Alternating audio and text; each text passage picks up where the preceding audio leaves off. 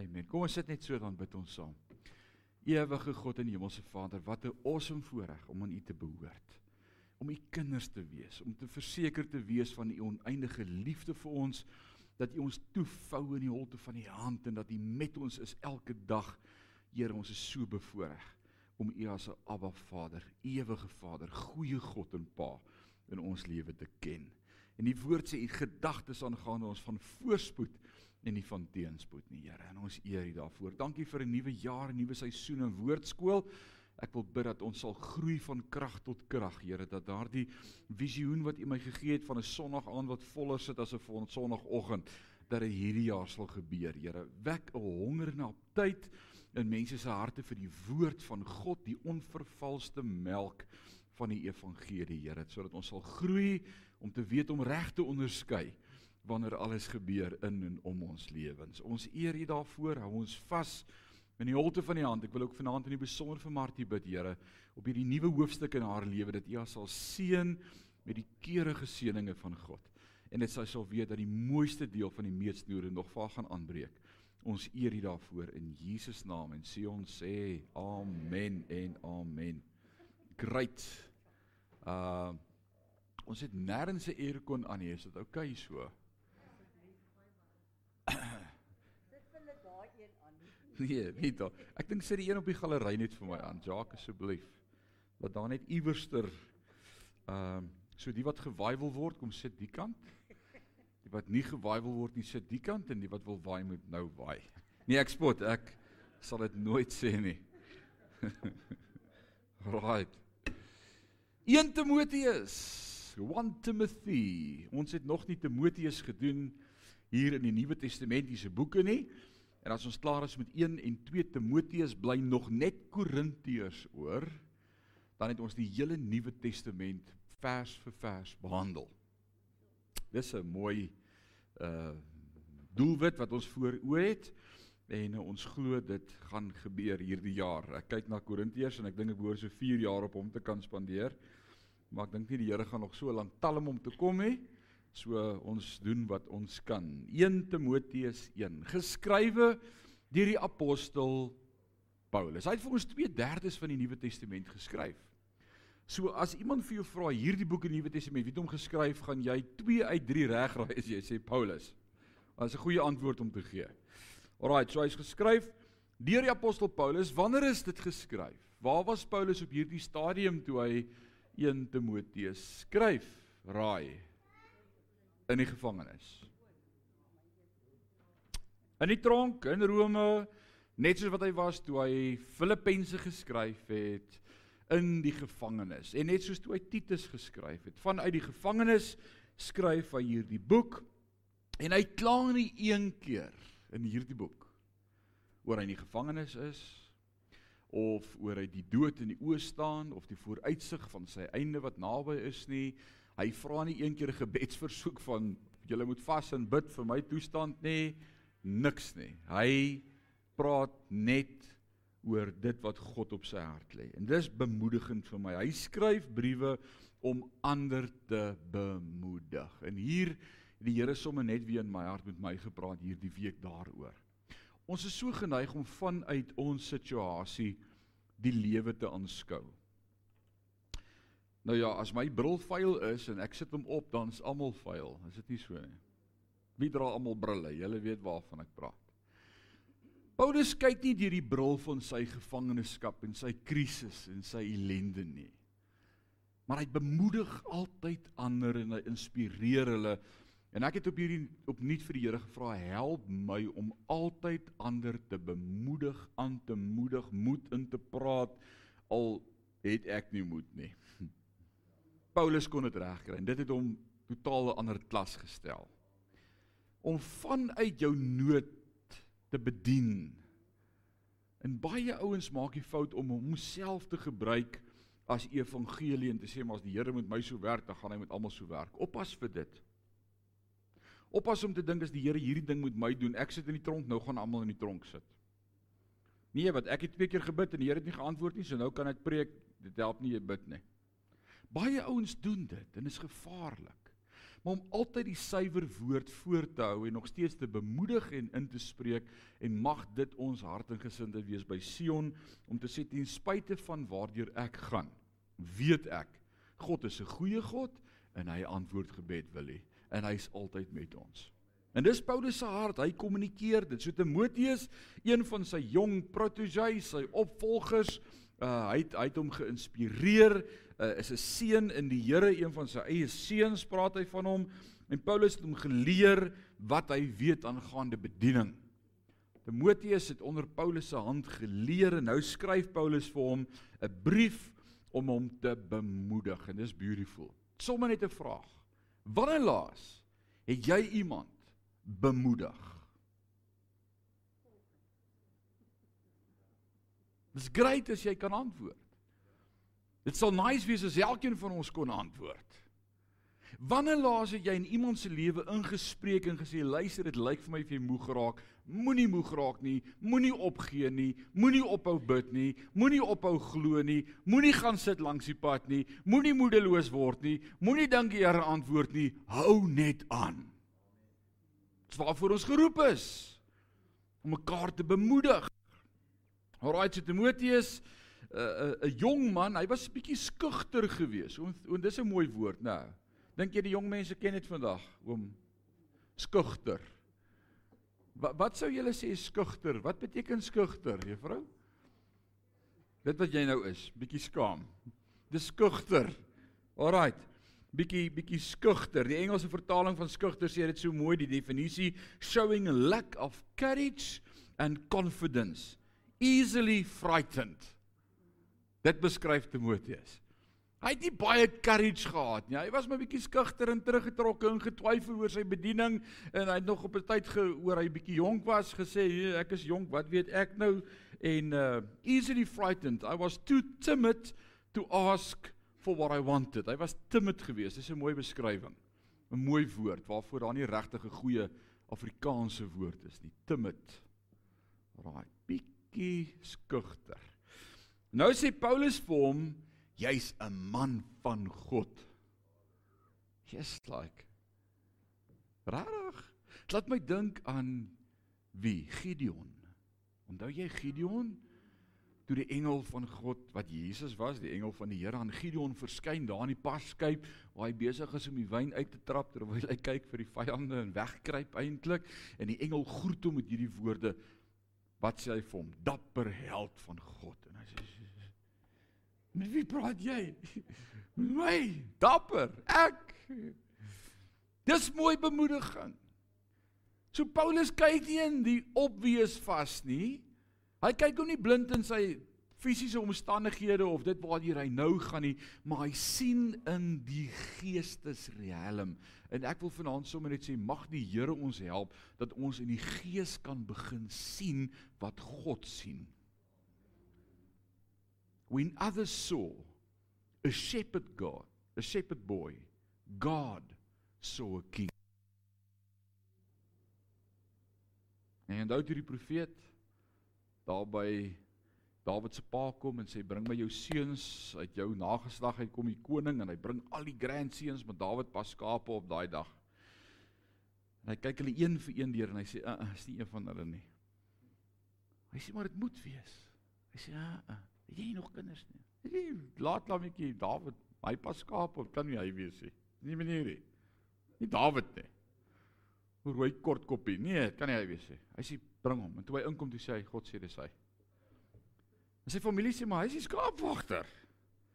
God sê maar ek sien 'n koning. Alraai. Mag ons konings in mekaar begin raak sien. Mag ons in mekaar se lewe inspreek profeties dit wat God sien. So ek wil sommer net 'n word of caution. Hmm, alraai. Moenie laat dit wat jy met jou fisiese oë sien vir jou die ultimate word feitelik nie. Oppas. Baie keer is dit wat ons oë sien, nie die waarheid nie. Ons moet met ons gees sien. Alraai. Jesus kyk na Petrus en hy sê vir hom Petrus, Petrus, Petrus. Ek het vir jou gebid. Die duiwel het so begeer om jou te sif dat jy deurval, maar ek het vir jou gebid dat jou geloof sal behoue bly. Ek sien 'n rots op wie ek my kerk gaan bou, Petrus, rots van die groot rots, klein rotsie van die groot rots. Het Petrus dit van homself gesien? Nee. Jesus sien profeties. So nou sê Paulus vir hom man van God en dis nie 'n term wat sommer vrylik gegee is nie. Hy het nie elke ou gegroet met hierdie term man van God nie.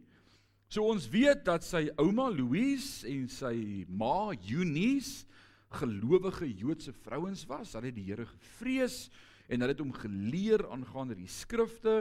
In Handelinge 16 leer dit vir my dat sy pa 'n heiden was. Sy pa het nie die Here gedien nie. Hy was 'n heiden, afvallig gewees, uh, maar sy ma en sy ouma was Godvreesende Jode gewees. Uh en alhoewel hulle Joodse gelowiges was en dit blyk te wees dat gedurende Paulus se eerste sendingreis hy tuis gegaan het toe klein Timmy nog 'n laaitie was.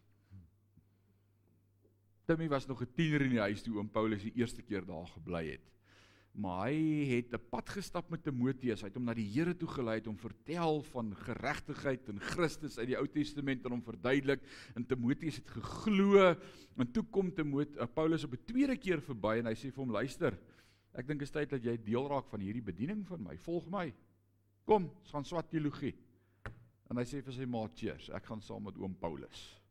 En hy het na hom opgekyk as 'n geestelike pa. Hy was 'n seun in die gees en Paulus was vir hom 'n pa figuur gewees en op 'n later lys sleep by hom toe saam. So Timoteus kies vir Paulus as 'n rolmodel want hy sien iets van God in hom en besluit om hom te volg.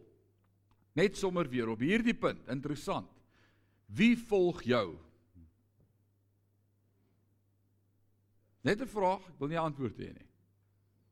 Wie volg jou. Ek hoop daar's ouens wat jou lewe kan naspoor en volg en sê ek trap in jou voetspore. As jy omkyk en daar's niemand agter jou nie, is daar fout. Dan maak jy nie disippels nie. Dis die groot opdrag Matteus 28:19, gaan dan heen en maak disippels. Leer hulle om alles te onderhou wat ek julle geleer het. Dit is baie belangrik om dit te verstaan. Paulus skryf later vir Timoteus in 2 Timoteus 2 vers 2 as hy sê vir hom hierdie betroubare woord wat ek aan jou toevertrou, al wat jy moet doen is preek dit net so vir die mense. Dis 'n volgeling, 'n disipel. Right? So, nou volg Timoteus vir Paulus en dan kom Paulus op 'n stadium by 'n groep gelowiges in Efese en terwyl hy daar is in Efese sê Paulus vir Timoteus: "Ey, ek dink jy moet hier bly." En dan sê Timoteus: "Nee, ek wil saamgaan." Nee, hy sê: "Fine. Dis fyn, ek sal bly." En dan raak hy die pastoor van hierdie gemeente waarvoor hy nie kans gesien het nie, want hy was hy was baie skaam en teruggetrokke en nou skryf Paulus vir hom om te hoor hoe dit gaan en om te bemoedig. Right, so dis waar hy vir hom skryf. So op hierdie stadium as Paulus vir Timoteus skryf in 1 Timoteus, is Timoteus in Efese. Of soos die mooi woord sê Efese. Alraai. Die gemeente van Efesiërs, die brief Efesiërs is ook geskryf vir daardie gemeente. So jy kan 1 Timoteus en Efesiërs saam lees en dan sien jy wat skryf Paulus vir die gemeente en wat skryf hy vir hulle pastoor. Baie interessant. So Paulus sê vir hom ek vertrou jou en nou skryf hy hom om te bemoedig En hierdie boek verdeel homself in twee dele. Ons gaan nie vanaand al twee dele kan handle nie. Hoofstuk 1 tot 3 is 'n opdrag aan die gemeente. So hy skryf vir Timoteus en hy sê vir hom wat moet hy die gemeente leer? En dan hoofstuk 4 tot 6, die tweede helfte is die opdragte aan die kind van God. So die eerste een is binne gemeente verband, gemeente opset, dogma, wat hulle glo, doktrine, al hierdie goed wat belangrik is, reëls om te hou en te onthou en dan hoofstuk 4, 5 en 6 praat hy met die individu, met elke kind van God in die gemeente individueel. So hierdie eerste gedeelte wat ons vanaand na begin kyk, wat gaan oor die opdrag aan die kerk, deel homself in 3 dele, hoofstuk 1, hoofstuk 2 en hoofstuk 3. Baie interessant. Hoofstuk 1 gaan oor doktrine, hoofstuk 2 gaan oor toegewydheid of toewyding en hoofstuk 3 gaan oor pligte, verantwoordelikheid. Alraai, moet nou nie almal hoofstuk 3 wegbly nie, hoor. Dis eintlik awesome as ons verstaan wat Paulus ons leer wat van ons verwag word. So vanaand gaan ons begin met doktrine met hoofstuk 1 en ons gaan 'n bietjie hoor wat skryf Paulus vir Timoteus. Hierdie brief kom van Paulus apostel van Christus Jesus, aangestel op bevel van God, ons verlosser en Christus Jesus, ons hoop. Nou hier's 'n mond vol wat hy hier kommunikeer. Hierdie brief kom van Paulus. Nou Paulus skryf gewoonlik en dan sê hy Paulus, 'n apostel deur die wil van God. Dis wat hy gewoonlik vir al die ander ouens skryf. Maar hier sê hy aangestel op bevel van God ons verlosser en Christus Jesus ons hoop. En ek het hieroor gewonder, hoekom sê hy sê aangestel? Hoekom sê hy dit sê? Aangestel op bevel van God. Wat hy eintlik hier sê, is nie my wil nie, maar God se wil. Onthou net ek sit in die tronk, sien my wil nie. Sien my plan vir my lewe nie wil nie. Ek dink nie hy het vir homself eh, hierdie prentjie uitgekies van ek gaan in die tronk sit eendag nie. Hy wou bedien in gemeentes plant en besoek en reis. En nou sit hy in die tronk. En dan kan ons baie maklik judge en sê, maar dit kan nie die wil van die Here wees nie. As dit ek was, sou ek gesê hierdie is nie van die Here nie. Ek het hierdie ongelooflike kragtige bediening en nou sit hulle my in die tronk. Hierdie is nie van die Here nie. Ek bind die duiwel en bestraf sy werke. Sou jy ook so gebid het? Wat sê Paulus? Ek het nie my eie wil nie. Maar ek weet God se wil geskied in my lewe en hy het my geroep. En as ek hier moet sit, dan gebruik ek die tyd om jou te bemoedig. Ek is geroep deur die wil van God op bevel van God. Al sit ek in die tronk, al onthoof hulle my, God het hierdie pad vir my gekies.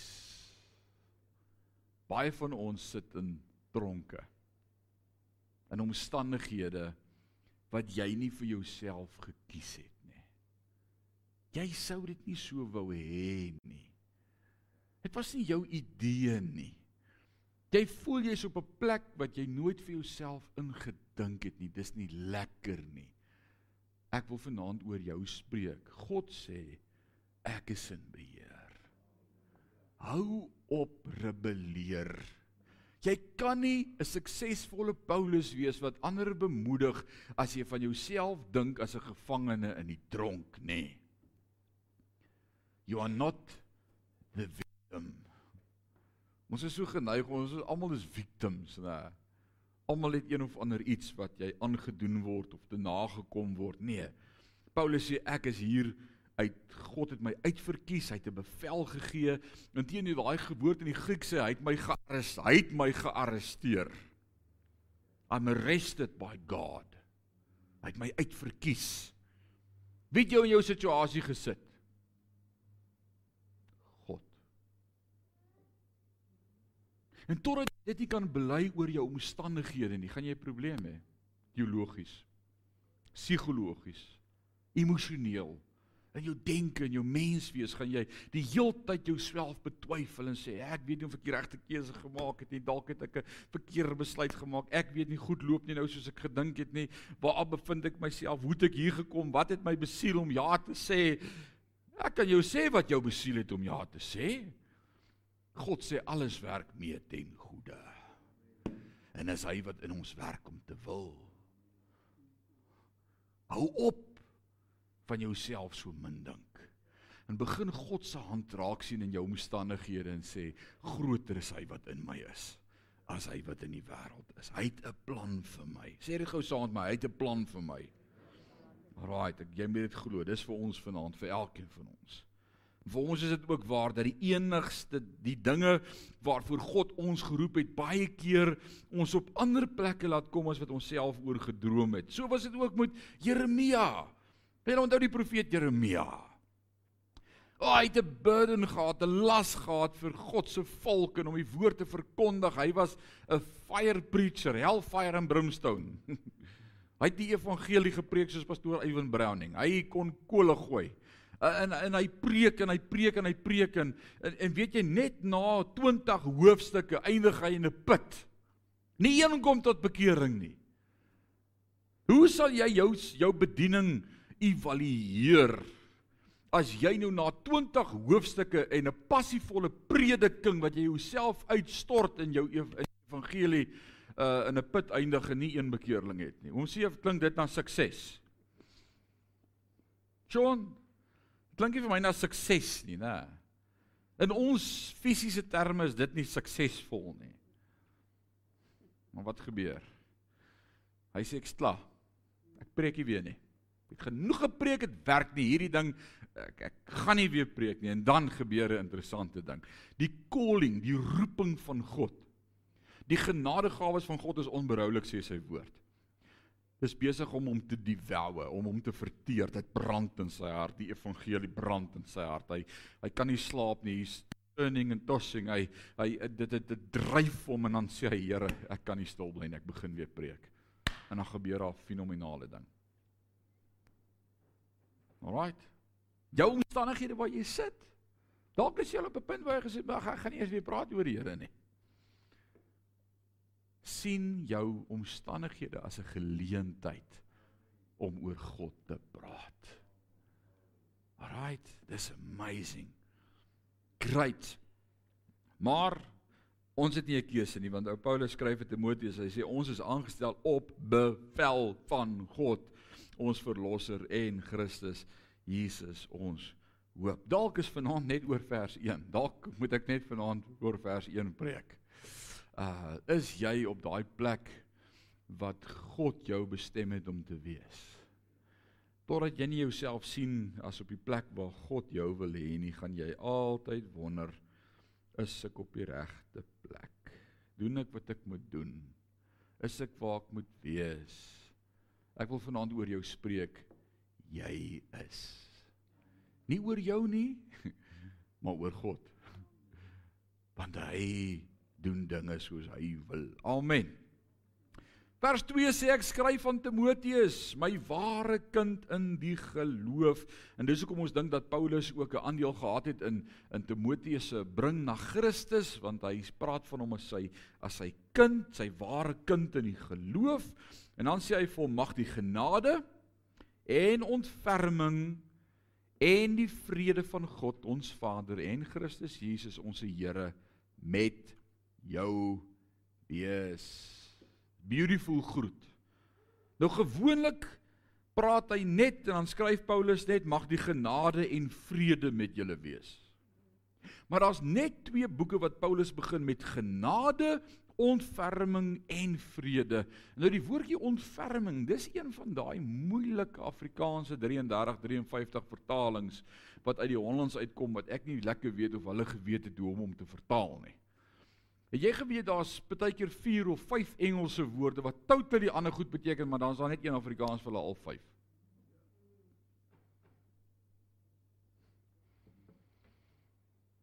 Unmerited unearned undeserved. Drie woorde wat fenominale betekenis het. Een Afrikaanse woord onverdiend.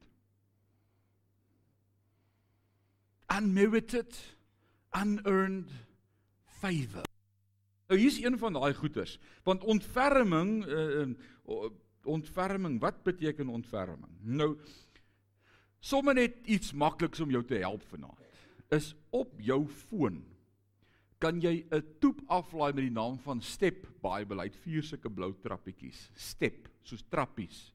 Step, step by step. Step Bible.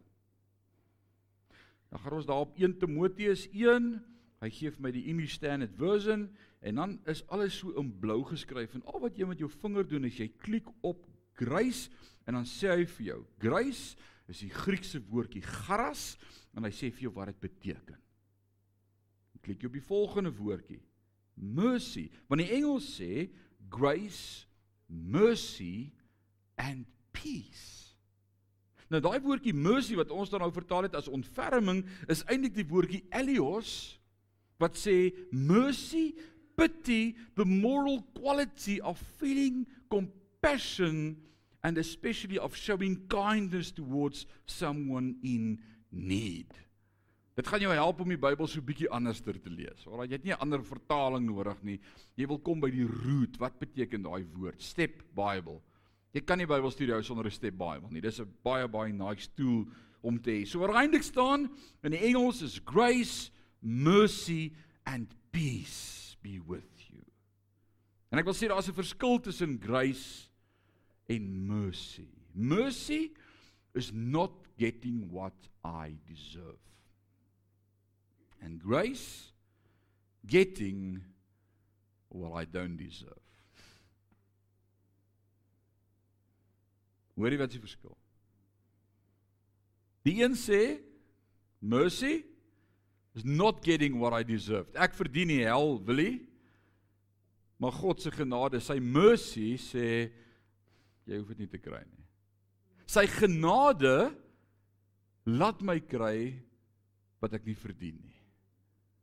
En in die Afrikaans is so 'n arm taal wat dit aanbetref, waar die Engels dit net soveel mooier skryf. So hy sê mercy, grace, peace. Nou hoekom skryf Paulus hierdie drie woorde en hy doen dieselfde wanneer hy skryf aan Titus? Net aan Timoteus en aan Titus en albei word gesien as Paulus se geestelike seuns uh, wat hy uh, gebedien het en net hierdie twee briewe skryf hy so. Hoekom skryf hy vir hulle genade, ontferming en vrede vir julle? Wie van julle het seuns groot gemaak? Dat ek hande sien. OK, julle sal verstaan. Jy het genade nodig as jy seuns groot maak. Ek het toeye. Alraight. Genade. Ou Paulus sê genade Titus, genade Timoteus. God gee wat jy nie verdien nie en wat jy verdien gee hy nie vir jou nie. Dis amazing. Alraight. Let op dat hy nou doktrine in die gemeente gaan aanspreek in hoofstuk 1 van vers 3 tot vers 4. Die eerste een, hy gaan vier doktrines aanspreek vanaand en die eerste een waaroor hy gaan praat is die verloor of die afval van die waarheid. Eerste ding en dit was nie net 2000 jaar terug in daardie gemeente die probleem nie, dis vandag nog steeds die probleem. Mense bly nie by die waarheid nie. Is dit waar? As jy toe ek na Macedonië vertrek het, het ek by jou aangedring om daar in Efese te bly. So hier skryf Paulus hiersovan, ek het vir jou gevra om in Efese te bly en die wat vals leerstellings verkondig te verbied.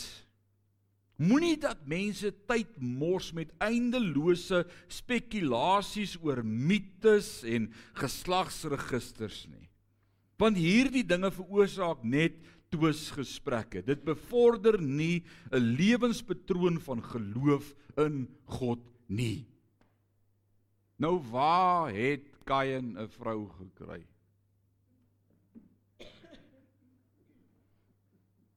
Kyk, ek kan vir julle baie vrae vra vanaand wat baie nonsens is waarmee baie denominasies hulle ure besig hou.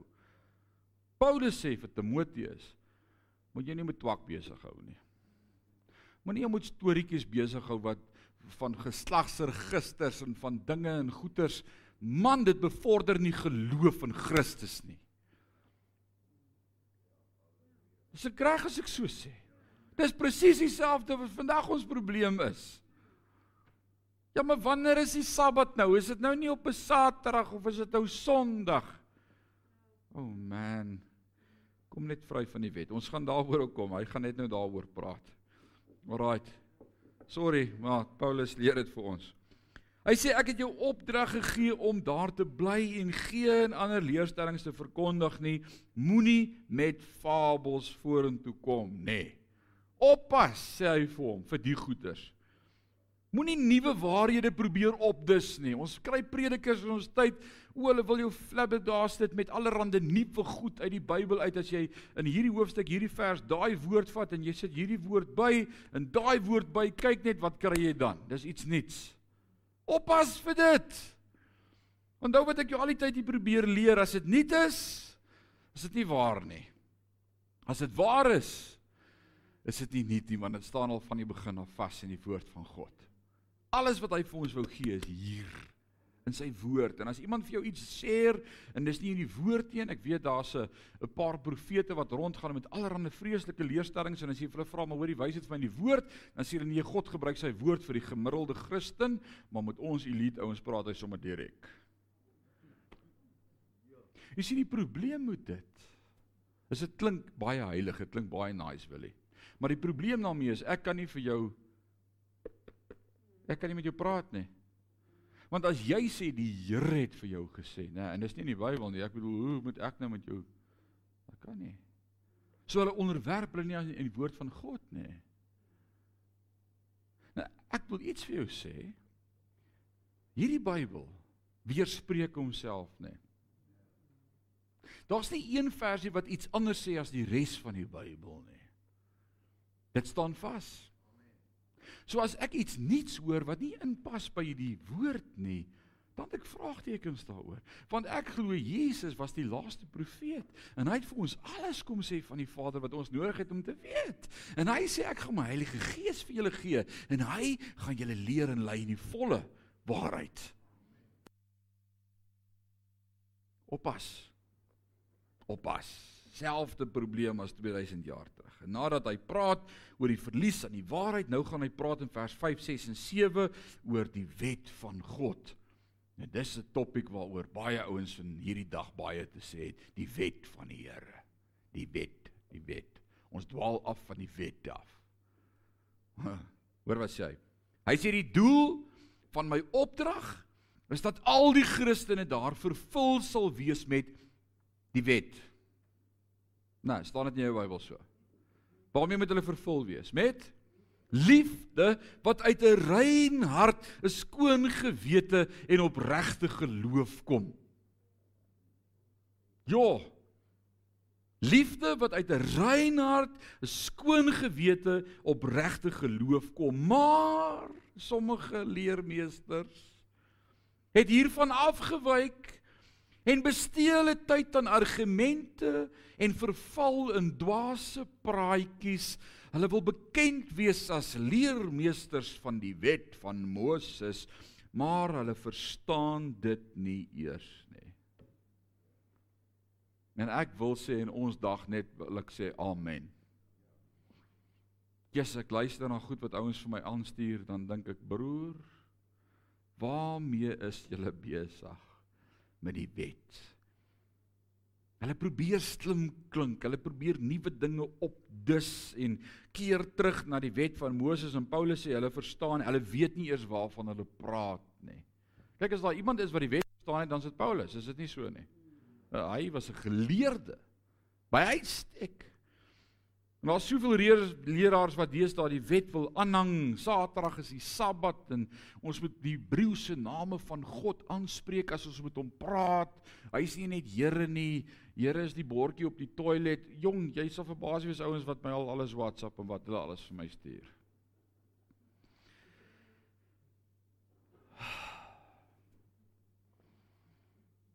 Baie sal in daai dag vir my sê, Here, Here.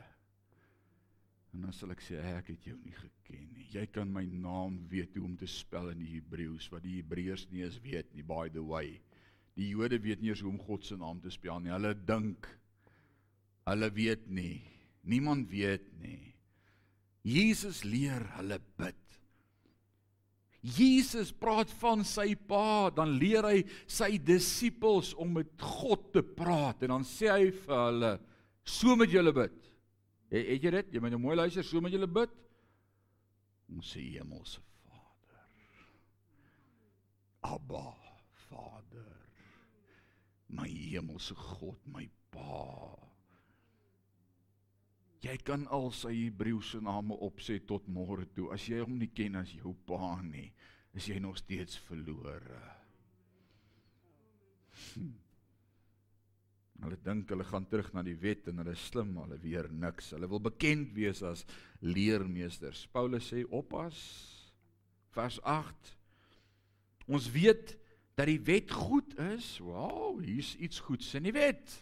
Hoor wat sê hy? Hy sê ons weet dat die wet goed is as 'n mens dit gebruik soos God dit bedoel het. Met ander woorde, daar's 'n intensie, daar's 'n 'n sekere application vir die wet. Daar's 'n sekere toepassing, daar's wel 'n funksie waarvoor die wet gebruik moet word, Eugene. Waarvoor moet die wet gebruik word? Kom ons leer wat hy sê. Alraight. En besef die wet is nie so seer gemaak vir mense wat reg optree. Nie net daai woordjie reg optree weer eens gaan vat jou step Bybel en kyk wat dit beteken. Hy sê dis nie bedoel vir die ouens wat geregverdig is in Christus nie. Ek is nie onder die wet nie. Ek is geregverdig deur Jesus Christus. Hy's my verlosser, hy's my saligmaker, hy's my koning, hy's my Abba Vader. Geen wet hou vas op my nie. Maar wat die intensie van die wet dan?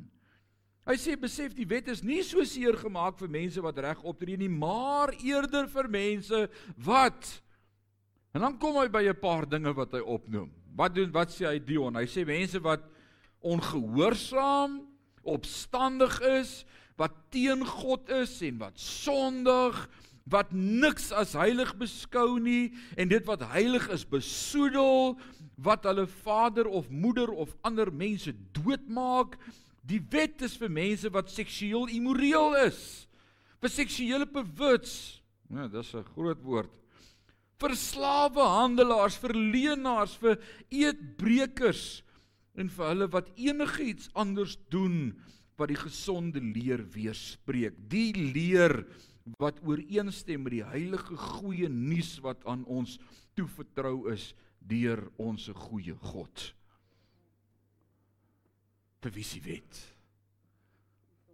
Vir die een sonder God. Hy hy skryf dit so mooi vir ons in Galasiërs as hy vir die gemeente in Galasië sê, hy sê die wet is die tugmeester na die Vader. Hy's die skoolhoof wat vir jou sê jy's laat gewees vir skool. Buk vir 6 van die as jy's verlore. Maar nou dat God se gees in my gewerk het en ek na hom uitgeroep het en ek genade ontvang het en hy my verlosser geword het, staan ek nog onder die wet? Ek is nou vry van die wet. Die wet het nou sy werk gedoen met my. Hy het vir my gewys ek het God nodig. Maar nou dat ek verstaan ek het God nodig, is die wet nog vir my? Nee, is klaar. Staan ek onder die wet? Nee, ek verstaan genade. Ek verstaan ek kan niks doen om God te impress nie. Maar dis alles wat hy vir my gedoen het. Genade. Grace. Die wet is goed vir die wat nie gered is nie. Die wet het 'n funksie. Ons moet die wet gebruik om die wêreld mee te praat. En as jy die wet hoor, dan besef jy ek is verlore. Ek kan nie die wet hou nie. Geen mens kan die wet hou nie, my magties. Ek wens jy wil dit snap. Jy kan nie die wet hou nie. Al is jy onder die wet, jy kan hom nie hou nie. Dis onmoontlik. Vir wie is die wet goed? Vir die sondaars. Alraait, vir die wat nie na Christus wil kom nie. En as ek dit verstaan en myself sien, dan verstaan ek God se genade en ek sien meer onder die wet nie en die wet is nie oor my nie. So die wet is vir die wat in die vlees lewe nie omgee vir die woord van God nie en nie begeerte het om God gehoorsaam te wees nie. Hulle wil bekend wees as leermeesters en die wet van Moses, maar hulle verstaan nie eers die wet nie. Hulle lê net 'n las op kinders van God. En dit is eintlik onmoontlik om daaraan te voldoen. Jy kan nie.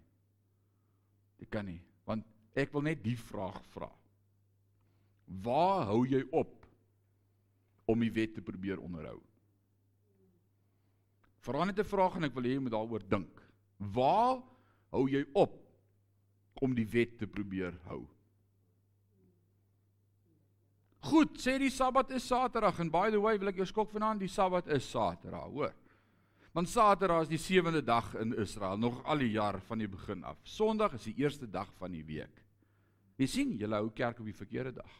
Julle hou kerk gewy aan Sondgod, want Sondag is vir die Songod. O oh man, jy's clueless. Amper sê ek iets.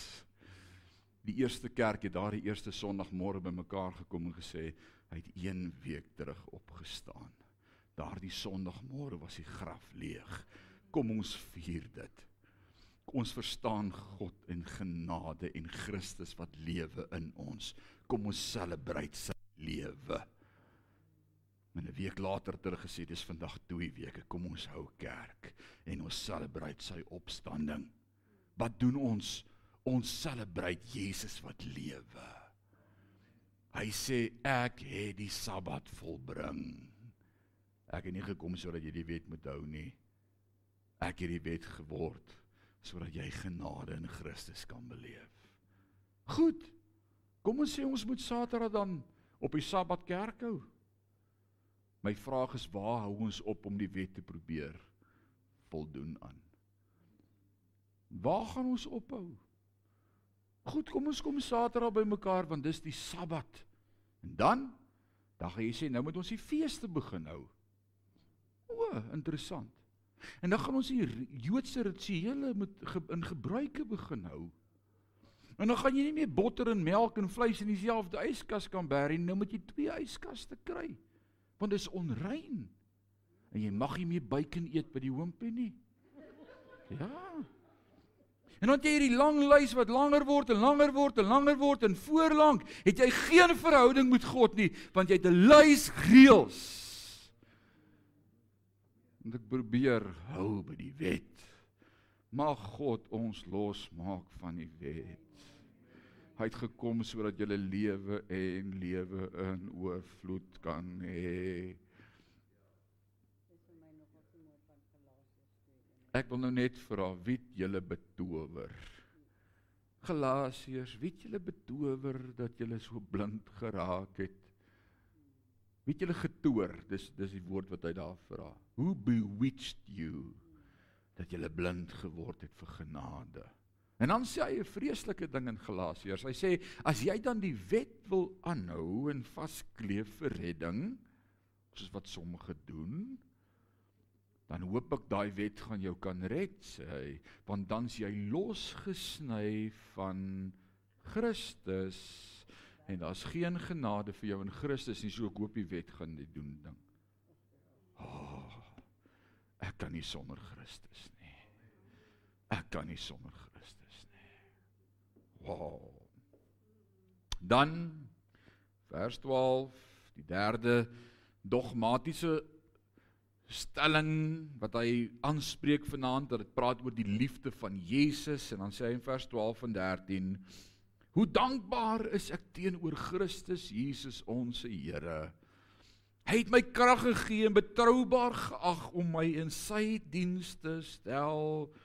Selfs al het ek voorheen die naam van Christus belaster. Nou kom 'n pause oomblik hier. Hier is nou 'n paar ouens wat sê, "Wat?" Paulus sê ek het God gevloek. Hierdie kerk kerk dinge waarmee hierdie Christene besig was na die kruisiging en van die Messias en alles ek het dit vervloek en gesê hierdie is nie van die Here nie. Maar God het my oë oopgemaak. Hy het genade aan my gehad. Ek wil net op hierdie punt dit sê. Sorry. Devil's advocate moenie so vinnig mense afskryf oor wat hulle sê nie want God se gees werk hulle in hulle om te wil. As ek almal moes afskryf volgens wat hulle gesê het, was daar geen genade vir niemand oor nie, want almal maak foute en sê verkeerde dinge, praat dinge uit woede uit en uit onverstandigheid uit. Ek het ook. Paulus sê Selfs al het ek voorheen die naam van die Here belaster, ek het sy mense vervolg en hulle mishandel, hy het hulle laat doodmaak, ou Stefanus, hy hou die baadjies vas, hy sê maak Stefanus dood. Kan jy dit onthou? Erge dinge gedoen. Hy sê maar God het sy genade aan my bewys omdat ek dit uit onkunde en ongeloof gedoen het. Ag, oh, God is 'n genadige Hy sê ek was opreg. Maar ek wil sê baie mense is opreg verkeerd. They can be sincere, but they are sincerely wrong. Paulus was so, hy was opreg verkeerd. Regtheid is nie die maatstaf nie. nie. Dan sê vers 14, maar hoe oorvloediger was die verdiende goedheid van die Here nie. Die onverdiende goedheid van die Here nie. En hoe het hy my nie oorlaai? Ja, hier hier is 'n interessante stelling. Hoe het hy my nie oorlaai met geloof en met liefde wat ons deel word wanneer ons aan Christus Jesus verbind word nie. Hy het my oorlaai met geloof en liefde toe ek verbind word aan Christus. Wanneer word jy oorlaai met geloof en liefde? Wanneer jy verbind word aan Christus. Daarom sê hy as ek in Christus is, is ek 'n nuwe skepsel. Die ou dinge het verbygegaan. Kyk, alles het nuut geword. Wat is die barometer of iemand vas is aan die Here of daar 'n ontmoeting was? Liefde, geloof. As daar nie geloof en liefde in iemand se lewe is nie, bevraagteken ek sy wedergeboorte. Want daai vrug kan jy nie uit jouself uitproduseer nie, want is vrug van die Heilige Gees geloof en liefde. Net God kan dit doen. Wow, dis awesome. Right.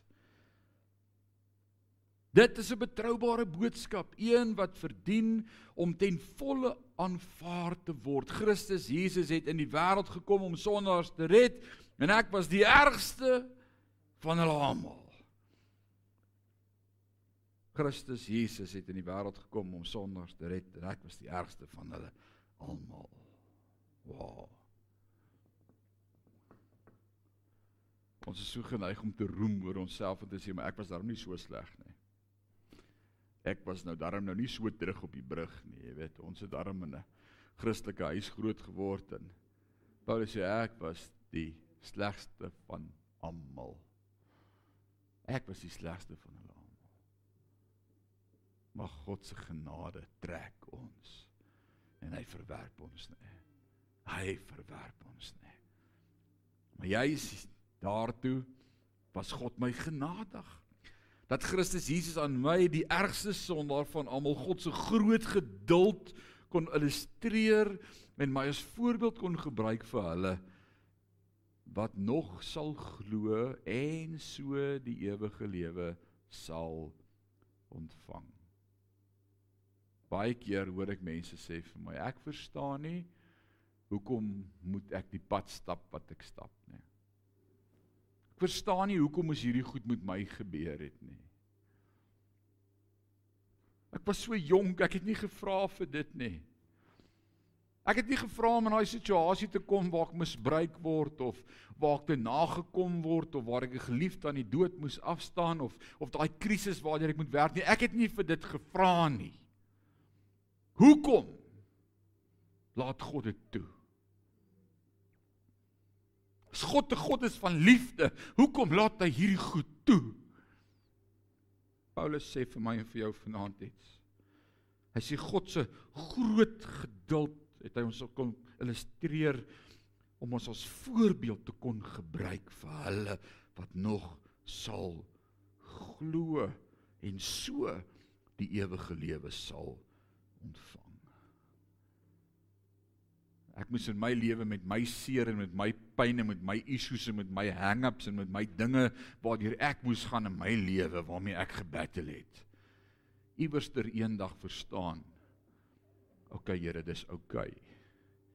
As U dit wil gebruik sodat ek vir ander kan getuig van hoe God my daardeur gebring het, dan is dit OK. En die awesome is elke keer as ek met iemand deel, elke keer as ek met iemand praat, elke keer as ek my getuienis kan share en sê weet jy wat as die Here met my hierdie pad kom stap is daar hoop vir jou. Dan gebeur daar iets in my hart wat sê dit was alles die moeite werd. Was alles die moeite werd. Hm? Dit is vol vrae. Hoekom dit? Hoekom daai? Dis alles die moeite werd. Kom moes ek my man verloor na so kort awesome getroude lewe. Want God gaan dit gebruik in jou lewe as 'n getuienis om teenoor ander te kan vertel. God het my geleer om op hom te vertrou. Net die Here kan dit doen. Is dit lekker? Nee, seer. Ons huil nagte om in 'n kussing, ons trane voor die Here en ek stoei met die Here. Hoekom soos wat Jakob by 'n by 'n by 'n spruit met God geworstel het. Maar as ek terugkyk, sê Paulus oor sy eie lewe, dit was die moeite werd sodat ander deur my getuienis kan glo. En dan bars hy uit in 'n loflied. En ek wil sê as jy dit dan snap en verstaan, hoekom moet ek waardeur ek gaan gaan? Hoekom moet hierdie goed gebeur? Hoekom moet my lewe so ongeorganiseerd voel en ek so uit beheer voel en en dit voel vir my hoe hoekom? En as jy dit verstaan dat God dit wil gebruik tot sy voordeel, dan bars Paulus uit in 'n loflied in vers 17 as hy sê aan die ewige koning die onsterflike die onsigbare die onsigbare enigste God die eer en die heerlikheid vir ewig en altyd. Amen. En ek wil vir jou sê jy gaan nooit kan losbars in 'n loflied teenoor God totdat jy nie glo jy's op die plek waar hy jou wil hê hou op om die leuen te glo van die vyand wat vir jou vertel jy het verloor God is klaar met jou. Hy het nie 'n plan vir jou nie. Hy's nie in beheer van jou lewe nie. Jy het verkeerde besluite gemaak en nou draai jy maar die gevolge van jou besluite. God sê alles werk mee ten goeie. Ek glo dit. So jy wil vir my sê God kan my van die hel red, maar nie van my eie verkeerde keuses nie. Dink gou-gou daaroor. So God kan homself gee om my van die ewige verdoemenis en dood te red. Maar ek kan my nie vir my eie keuses red nie. Nee, alles werk mee ten goeie. Hy 'n awesome God. Wow. Hy 'n awesome God. Kom ons maak ons oë toe. Kom ons maak ons oë toe. Halleluja. Halleluja. Vader, so kosbaar vanaand om net sommer so bewus te wees van u teenwoordigheid en van u grootheid en u bemoeienis met elkeen van ons. En dit is so awesome om aan die begin van 'n nuwe jaar met so 'n awesome boek te begin en vanaand sommer so in te duik en te leer en te ervaar en te beleef hoe u reeds die waters in ons eie harte roer en hoe u met ons praat vanaand en dit is asof Paulus voor ons staan en met ons elkeen direk praat. U Heilige Gees is so getrou. Vader, hier's vanaand ouens wat hulle self diskwalifiseer van hierdie wedloop as gevolg van verkeerde besluite en verkeerde dade en verkeerde optredes. En jou vyand is so goed daarmee om vir ons te vertel ons het gefaal. Maar dankie dat u woord sê u laat vaar nooit die werke van die hande nie. En hier woord sê die werk wat U in ons begin het sal U volëindig en U sal dit klaarmaak. En ek wil my vanaand opnuut oorgee en sê hier is ek, Here. Ek weet ek is op die plek waar ek moet wees. Ek het dalk verkeerde besluite gemaak en verkeerde afdraaië gevat en verkeerde dinge gesê en verkeerde goed gedoen maar u groote genade en die barmhartigheid en die liefde en die geloof wat u aan ons uitstort elke dag werk alles mee ten goeie. Dankie dat u vanaand opnuut vir ons hoop gee en moed gee en vanaand opnuut vir ons kom bemoedig deur die Heilige Gees om nie moeg te word langs hierdie wedloop nie, maar om aan te hou. En selfs as die sleg in die lewe gebeur wat ons nie verstaan nie, om nog steeds u hand daarin te sien en te sê ons God is 'n ewige God. En hy's die grootste. En dan hierdie ewige koning, die onsigbare, die onsterflike, die enigste God, al die eer en heerlikheid vir ewig en ewig en ewig en ewig en altyd. U is awesome.